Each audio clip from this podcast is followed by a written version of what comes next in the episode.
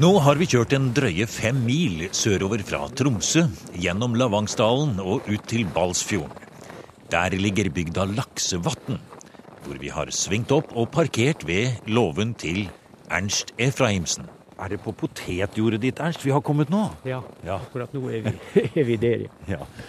Jeg ser der borte ligger det et fjell med det røde lyset som er nå i mørketiden, så vidt litt over seg. Hva hva heter det fjellet? Det fjellet heter Seida, da. Det er jo egentlig, det ruver jo godt. Og, Ja. og um, der har vi da hatten. Den er litt mer markert og ja. litt spesiell og rund. Ja. Det- har navnet, da. Men altså, du er født og oppvokst her, du, Ernst? Ja da, det er det. Ja. Bodd hele livet her for det meste, ja. Hvordan er det å bo her? Nei, det er greit å bo. Har trivdes hele tida. Ja. Jeg er jo pensjonist, så det er nå bare noe på hobbybasis nå. Ja. Men vi har hatt det an gårdsbruk hele tida, egentlig. Ernst Efraimsen var bare et par-tre år da tyskerne mot slutten av andre verdenskrig bygde en stor leir for russiske krigsfanger på familiens jorder. For alle i hele bygda i Laksevatn var kontakten med russerfangene et sterkt krigsminne i mange år etter krigen. Men i den offisielle krigshistorien ble leiren glemt.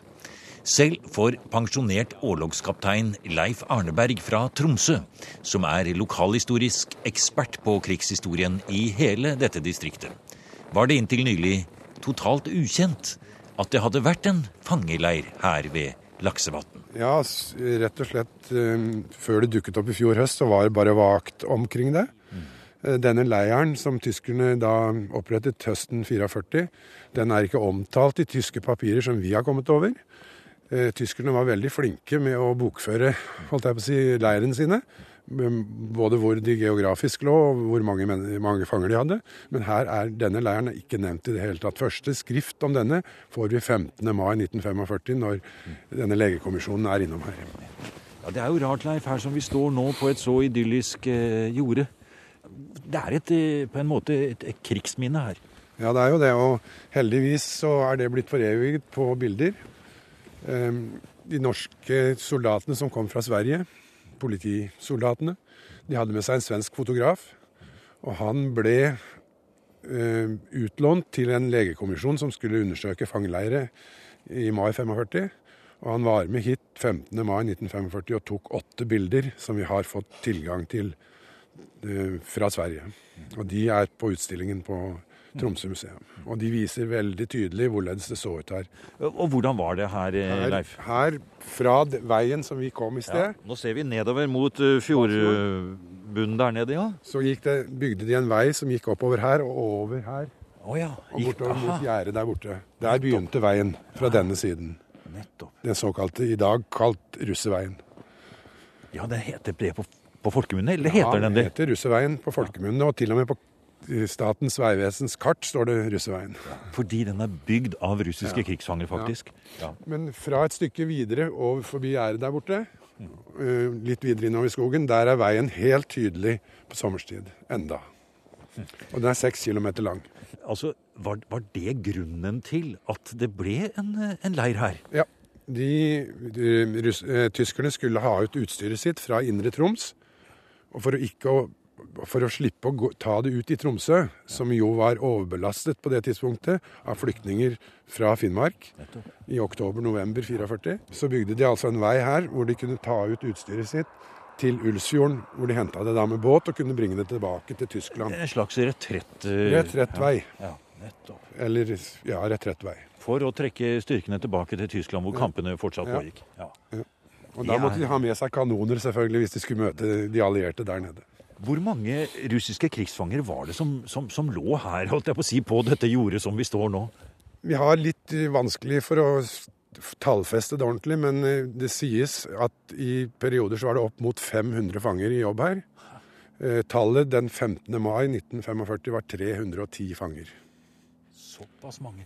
Det må jo bety at det må ha vært ganske mange hus og konstruksjoner, telt, gjerder og den type ting her, Ernst. Ja da, det var jo det. Det var jo sånne hus som var bygd med sånn De var runde i formen, og, og så sånn, med sånne pl- plater bare. Sånn tynne plater. Sånn plater til vegger. Hvor lå de hen, hvis du skulle peke litt for oss her nå? Ja, de lå, de lå spredd nedfor det her, for den skogholtet vi ser der. Og videre det som er tilvokst bortover der, det er så vokst igjen. ikke sant, At man ser Men konturene vises da enda. Det er ingen bygninger igjen da, Ernst, i det hele tatt? Nei, det er ingen Nei. igjen. Så. Det er vollene av to brakker i Ja. den skaukrullen der borte. Ja. De er helt tydelige. Og de kan vi se på de bildene som denne svenske fotografen tok, hvorledes de så ut. Så de ser vi på museet. Og jeg ser utover fjorden her, nå har vi snudd oss så godt nedover her. Og du har fortalt den i bilen, Leif, når vi kjørte innover her, at nettopp fjorden der, der eh, kom det inn en båt en gang imellom Melkebåten, sa du? Melkebåten. Ja, som var en Det var en Ja. viktig sak i forbindelse med denne leiren her. ja. Fordi at eh, faktisk så fikk fangene lov å ta imot mat fra bygda, eller fra fjorden. Ja. Eh, det gjaldt særlig brød og fisk, da, som var det enkleste å komme over den gangen. Og da brakte denne melkebåten, som gikk mellom gårdene og hentet melk, den brakte med seg maten til Laksevatn, hvor den da ble tatt imot av en herremann, og så distribuerte han det inn i leiren. Det var lov, de altså, å komme Tyskerne godtok det etter hvert. Ikke til å begynne med, kanskje, men etter hvert som, eh, som tida gikk. For de skjønte vel at skulle de skaffe de fangene nok mat, så måtte de ha lokale leveranser. Ja. Eh, Så det betyr det da, Ernst, at dere som bodde her Ja, du var jo bare en liten gutt, da, men foreldrene dine og de andre her, de, de drev og samlet inn mat rett og slett til 300-400 mann? Ja, det var sagt det at de, det var mye hjelpsomhet ellers Ja. rundt her. Sånn at det, det var jo egentlig ikke bare her. Vi hadde jo selvfølgelig hoved, mest trøkk av det i og med at det var på eiendommen, men hele bygda var jo mer eller mindre berørt i naboene. Og så fikk man jo ting tilbake også. Ja da, det var jo en utveksling sånn at de var jo flinke. De hadde jo anledning til å lage gjenstander i tre, sånn at Ja. det var ofte en bytte. Har du noen sånne? Ja, jeg har noe, men søsteren min har det, for å si det sånn, mest av det der. Ja, hva var det du hadde tatt vare på? Hvis du skulle beskrive litt det, hvordan det kunne være det som, som du husker? Ja, det var jo sånne utskjæringer f.eks. av krokodiller, sånn, av fugler og sånne dyr som Nei, altså, ja, fugler som hang i, i snor og sånn. Var det noe du lekte med når du var eh, liten gutt og ble litt sånn større etter krigen, da, som du fant i skuffer rundt omkring òg? Ja da, det var bra kjente, kjente ting som var Ja. mye rundt omkring da. Ja. Men ellers det, gikk vi jo her etter, det var jo mye her på eiendommen av, av eh, etterlatenskap og sånn. Gikk ja. Gamle hjelmer, og vi fant gevær og ammunisjon, og det var masse sånn. Det var Det kanskje vel så interessant å finne det som var til tyskerne, ja. Ja, jeg tror det, det var mer, mer spenning med det å gå og grave og, rote i det da. Men mye ble jo liggende også, det lå i mange år, kan du si. Vi grøfta f.eks. her vi står og litt Ja, ja. bortover her. Ja, og fant, eh, fant gevær og ammunisjon. Men det var jo det var ikke med gravemaskin, det var jo såpass lenge siden at det var brukt spade. Altså. Har du tatt vare på det nede på gården din? Ja, vi hadde det på ei stund her på lager, men, men det blir borte etter hvert. Ja. Det, det. Var det brukbare våpen? Har du avfyrt noe av disse våpnene? Nei, det var jo ikke det. De hadde jo ligget da en, Ja. man kan si en tid. Mm. Ti-tolv år, iallfall i, i Ja, bakken. så dette var noe dere fant utover på 50- og tidlig 60-tallet og sånn? Ja. Men nå finner dere ikke mer, eller? Nei, nå er det, nå er det ikke lenger nok. Altså. Det er bare litt av hele det her gropen er jo synbar ennå. Noen konturer i terreng. Ernst Efraimsen på Fossheim gård i Laksevatn ser hver eneste dag utover jordene som en gang var fangeleir for flere hundre sovjetiske krigsfanger. Men hadde det ikke vært for det utrettelige arbeidet Tromsø forsvarsmuseum gjør, i regi av ildsjelen Leif Arneberg, for å ta vare på det som ennå er igjen av krigshistorien i dette området, så hadde nok Laksevatn leir fått synke inn i den store glemmeboken. Se her er vi jo plutselig, bokstavelig talt, gjennom piggtråden som utstillingen heter her. Og det er jo nesten som å gå inn i selve leiren. Nå står vi jo akkurat der som vi sto i snøen. Bare at nå er vi omgitt av russiske krigsfanger. Vi ser husene. Du får forklare, Arneberg, hva vi ser her. Ja, på dette store bildet som viser en, en eh, med det fjellet som vi også så i bakgrunnen. Og da ser vi disse to takene her. De er 20 meter lange brakker. Det er de to jordvollene som er igjen. Og disse teltene som, eller disse husene som står i forkant her, såkalte finnetelt, det kommer enten av at de er laget av finner, eller at finnene fant de opp. Vi ser altså en titalls fanger som ja. står på bakken. Og de ser rett på oss, dvs. Si fotografen. Hørnell. Utstillingen på Tromsø museum, som er laget i samarbeid med Leif Arneberg og Tromsø forsvarsmuseum, tar oss rett inn i leiren i Laksevatn en uke etter frigjøringen i mai 1945. Da undersøkelseskommisjonen kom den 15. mai, bodde det fortsatt over 300 sovjetiske krigsfanger i brakker som var gravd direkte inn i bakken med jordgulv og jordvegger, eller i runde, teltlignende platehus. På Sven Hørnels bilder, som er av høy fotografisk kvalitet, ser vi forbløffede og skeptiske fanger som stirrer mot kamera og lurer på hva som skal skje. Det som en kan se når en ser på dette bildet det, Vi har sett bilder av russerfanger fra, i hovedsak fra Nordland, hvor de er utmagret og utsultet og, og tynne som ja, bare det. Her ser vi et titalls fanger som overhodet ikke har de samme eh, symptomene, nemlig sult. Hvis vi ser på han som fanger hele oppmerksomheten i dette fantastiske bildet Den yngste mann i midten. Ja, han ser jo ordentlig flott ut, han. Som en 18-19-åring ja. når som helst, hvor som helst. Det er det, og Der ser vi også piggtrådgjerdet langs den bygde russeveien. Det var over potetlandet til Ernst. Ja, og vi ser det er slått ned bjerkestammer bortover hvor piggtråden er spent på. Og der ser vi takene, og de står de går rundt på jordet her. Det er gravd en liten dreneringsgrøft der, for det er våren, og snøen har smeltet. Det er et uh, utrolig Og Det var da alt i alt ti-tolv brakker mm. av de typene som vi ser på bildet her, disse såkalte finneteltene. Og så var det de to uh, mer faste brakkene i jordvoller. Mm. Hvis, hvis, du fører oss gjennom nær sagt her Altså, livet i fangeleiren eh, Vi ser jo her noen helt utrolig skarpe bilder. Det er nesten et kunstnerisk også blikk i det, syns jeg. For det gjør et veldig inntrykk å se disse eh, bildene som ble tatt før leiren ble nedlagt. Stemmer det. Og dette ene bildet som viser bare rett og slett skotøy. Mm. Eh, Riktignok har skotøyet innhold. Mm. Det er mennesker som ligger der og sover. De ligger på briskene sine. Ja. Trebrisker, bjørkebrisker med netting. Ja. Eh, nettingen er av eh, madrassen. Vi ser også noen tomme sko og også noen fylte støvler. Så det er et, et sterkt bilde, som da Hørnell som profffotograf så selvfølgelig med en gang han kom inn i Ja, For hvordan har disse bildene kommet hit? Eh, I forbindelse med en annen sak som jeg kom over, så ble det gitt opplysninger om at det var Sven Hørnell hadde tatt mange bilder i Tromsø-området i 1945. Han var svensk fotograf, profffotograf fra før krigen og var utlånt til de norske styrkene som skulle over til Norge etter freden, um, freden 8. mai 1945. Og han var fra Abisko i Nord-Sverige. Han hadde meget godt fotoutstyr, selvfølgelig. Det kan vi jo se på det bildet her som er tatt 15. mai i fangeleiren på Laksvatn. Og når jeg da begynte å lete etter disse bildene, så kom jeg over først et antall bilder fra Tromsø-området. Når vi da fikk denne fangeleirproblematikken for et år siden, så visste jeg at på listene over bilder så var det også merket bilder merket fangeleir.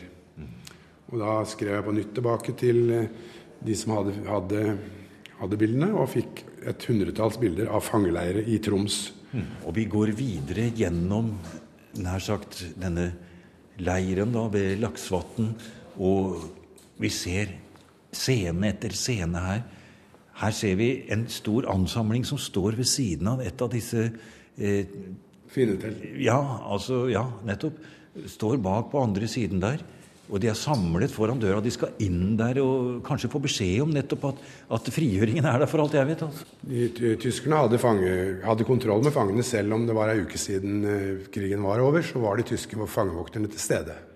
Og når delegasjonen fra Tromsø kom, så forlangte de at det skulle være offiserer til stede som kunne svare for hvorledes leiren skulle fortsette. Og på dette tidspunkt så kjente man jo til eh, disse forferdelige leirene som de hadde kommet over i Tyskland, i konsentrasjonsleirene. og man fryktet kanskje å finne noe lignende her. Og det var jo også eksempler i Norge på leirer hvor det var svært dårlige forhold. Men akkurat denne leiren her, Leif, så fant man jo ikke den type forhold. Nei. Sunnhetstilstanden sett med datidens øyne var tilfredsstillende i denne leiren. Mm. Og ikke minst det ser vi av bilder av fangene som er i godt hold. Mm. Så det var ikke det store problemet her. Det var jo Bygningene var jo under enhver Da Leif Arneberg og Tromsø forsvarsmuseum startet arbeidet med utstillingen på Tromsø museum, fikk de henvendelser fra hele bygda i Laksevatn og langs Balsfjorden, fra folk som hadde tatt vare på trefigurer, esker, suvenirer og andre gjenstander som fangene hadde laget og gitt tilbake til dem som kom med mat og klær. En hel samling av slike byttegjenstander står utstilt sammen med fotografiene, og viser at kontakten med lokalbefolkningen må ha vært ganske omfattende i de seks månedene leiren var i drift. Nå var jo russiske krigsfanger de var jo av alle fag, fra alle fag. Og russerne hadde vel en tradisjon i utskjæring av, av trefigurer. Og dette brakte de selvfølgelig med seg i fangeleiren. Og etter hvert som de så dette som begynte å foregå, nemlig at de kunne få bytte gjenstander mot mat, så ble det nok en eh, mer, større produksjon av disse gjenstandene. Dette er bare fra ett, ett hus vi har samlet her.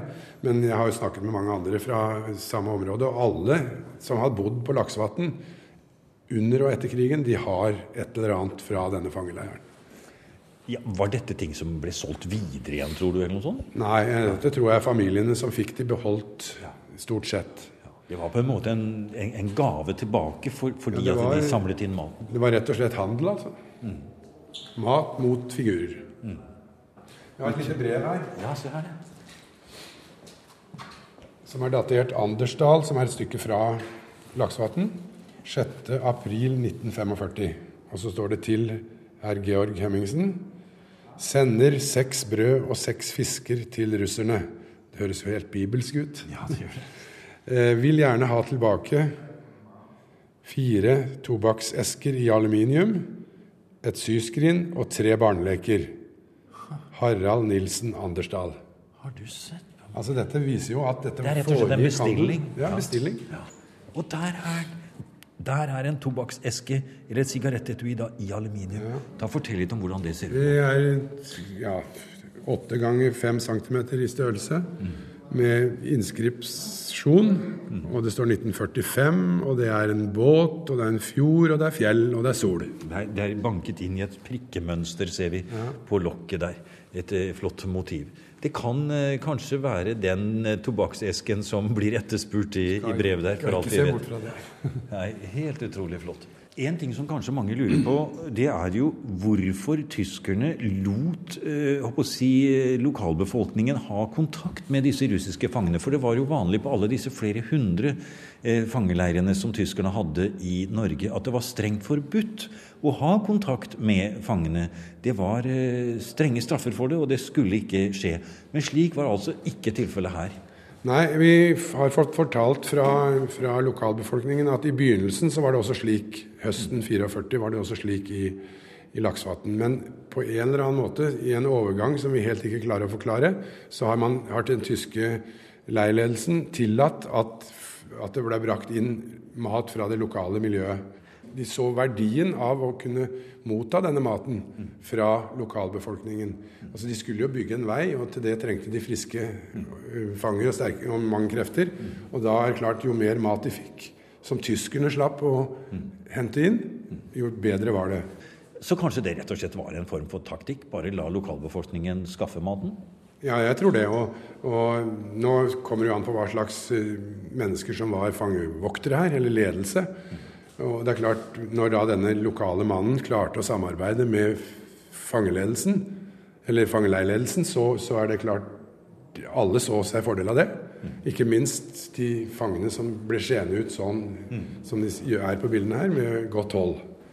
Og hvis vi bare går forbi en liten monter her, hvor det står barnestøvler av russisk modell, laga av en sovjetisk skomaker som var fange i Laksvatn leir. Dette paret med støvler det ble laget til dattera til han som var, hadde ansvaret for bytting av mat og varer.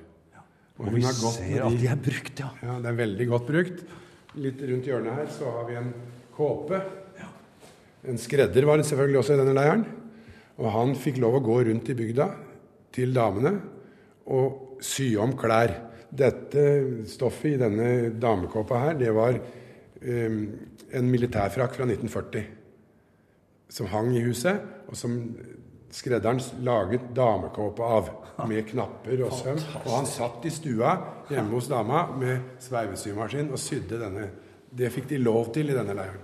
Helt utrolig. Vi skjønner jo at det er en helt annen type leir, og hvor tyskerne da som drev leiren, hadde stor interesse av at det skulle fungere, dette møtet mellom bygdas mennesker og fangene i leiren. Ja, helt klart. Og det er nesten så en ikke kan tro det i ettertid, når en leser om de øvrige leirene, at denne leiren i Laksevatn den var helt annerledes enn de andre. Bare litt videre innover i Troms Innland, Skibotn, Kittdalen osv. Der var de grusomste leire som var. Fangene ble slått i hæl hvis de ikke klarte å gjøre mer. Her var det helt annerledes. Bare noen kilometer unna. Og hvordan det så gikk med krigsfangene når de kom hjem til Sovjetunionen, er et annet kapittel. For noen ble friheten lange opphold i sovjetiske fangeleir. For øvrig en side av historien Leif Arneberg også jobber videre med, gjennom sine kontakter i Murmansk. Arneberg har vært sterkt opptatt av krigshistorien i Tromsø-distriktet i flere tiår. Han leder det helt spesielle Tirpitz-museet, eller Tromsø forsvarsmuseum, som vi for øvrig skal komme tilbake til i et eget program. Den pensjonerte årlogskapteinen kaster seg stadig inn i den lokale debatten, og er ofte å finne i avisspaltene, hvor han kjemper for å bevare forsvarsanlegg og bygninger som står i fare for å bli revet og glemt. Arneberg har fått flere priser, og ikke minst ble han i 2006 tildelt æresmedlemskap i den sivile delen av The Most Excellent Order of the British Empire. MBE-medaljen fikk han for sitt langvarige arbeid med de britiske krigsgravene i Tromsø. Eh, I mitt hode så har det hele tida vært viktig å ivareta det som skjedde under krigen, slik at eh, vi ikke får ei glemmebok på fem år. Det har vi ikke lov til. Eh, men så er det også noen andre i dette landet som synes at dette skal ivaretas, og ikke minst dette Falstadsenteret i Levanger, som har fått i oppdrag av staten å ivareta de russiske krigsfangenes historie i Norge under krigen. Og Ei uke etter at vi åpnet utstillingen her, den 6. oktober, så sto det en artikkel i VG over to sider om historien som vi ikke har lov å glemme.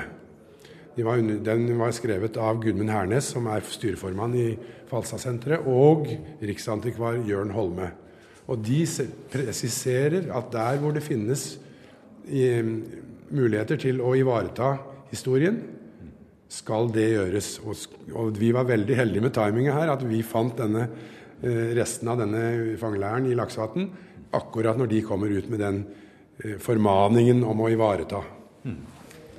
Hva er det som skiller denne type krigshistorie fra skal vi si, heltefortellingene eller fortellingene om de store slagene? Disse leirene som ligger der, forholdet til lokalbefolkningen, det at minnene begynner å, å, forsvinne. Hva er det med det som på en måte er viktig eh, å ta vare på i forhold til hele krigshistorien? Den store krigshistorien, de store linjene, er jo kjent, og de står jo nedskrevet eh, i mange publikasjoner. Eh, også på film og osv. Men denne lille historien ja lille, men denne historien fra Raksvatn den er altså ikke nedtegnet noe sted før vi gjør det nå. Og i forhold til lokalbefolkningen, som er i ferd med å glemme rett og slett historien, så er det viktig at den ikke forbigås, sånn at den, om x år så er den ingen som kunne det. Og så er det jo kanskje også et tankekors at eh, det døde altså mange, mange tusen krigsfanger i Norge på norsk jord i disse leirene. Dobbelt så mange faktisk som nordmenn som falt i krigen. Mm.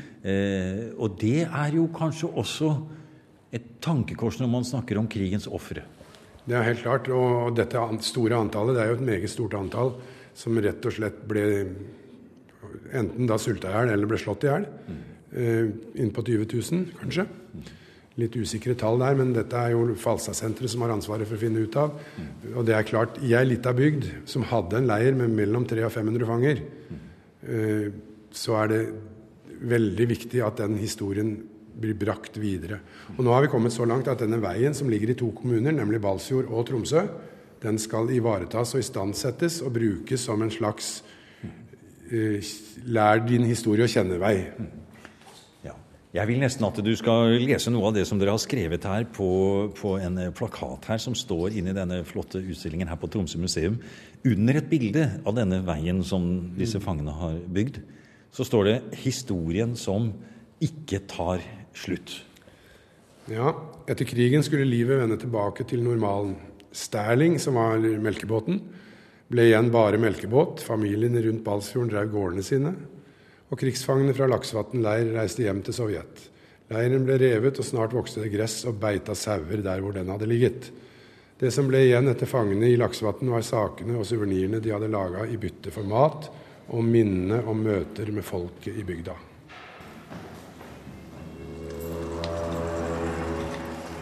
Du har nå hørt programmet Museum som podkast fra NRK.